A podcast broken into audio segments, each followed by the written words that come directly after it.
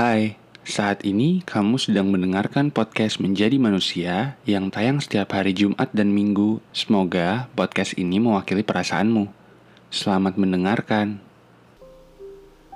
Jika kita mencari keadilan pada ketetapan Tuhan, kita sudah bertindak jauh karena tidak ada yang lebih adil dari Tuhan.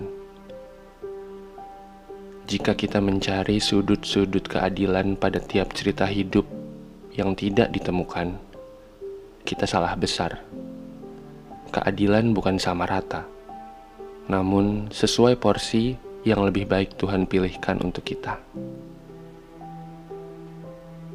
Jika takut akan kehidupan di depan yang mengerikan, ketidakpunyaan sesuatu yang kerap menghantui, kecemasan bagaimana hidup esok hari, maka kita salah besar ada kekuatan maha besar yang mengatur semuanya.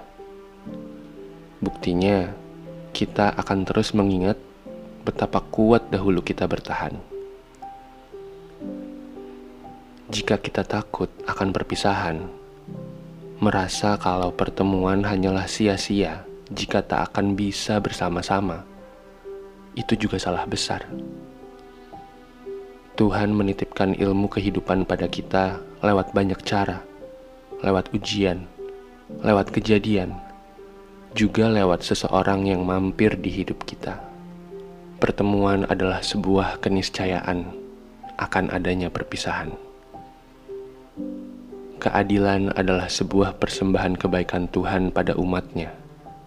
Bukti kasih sayang yang tidak akan pernah kita kira jika mengetahui makna di baliknya.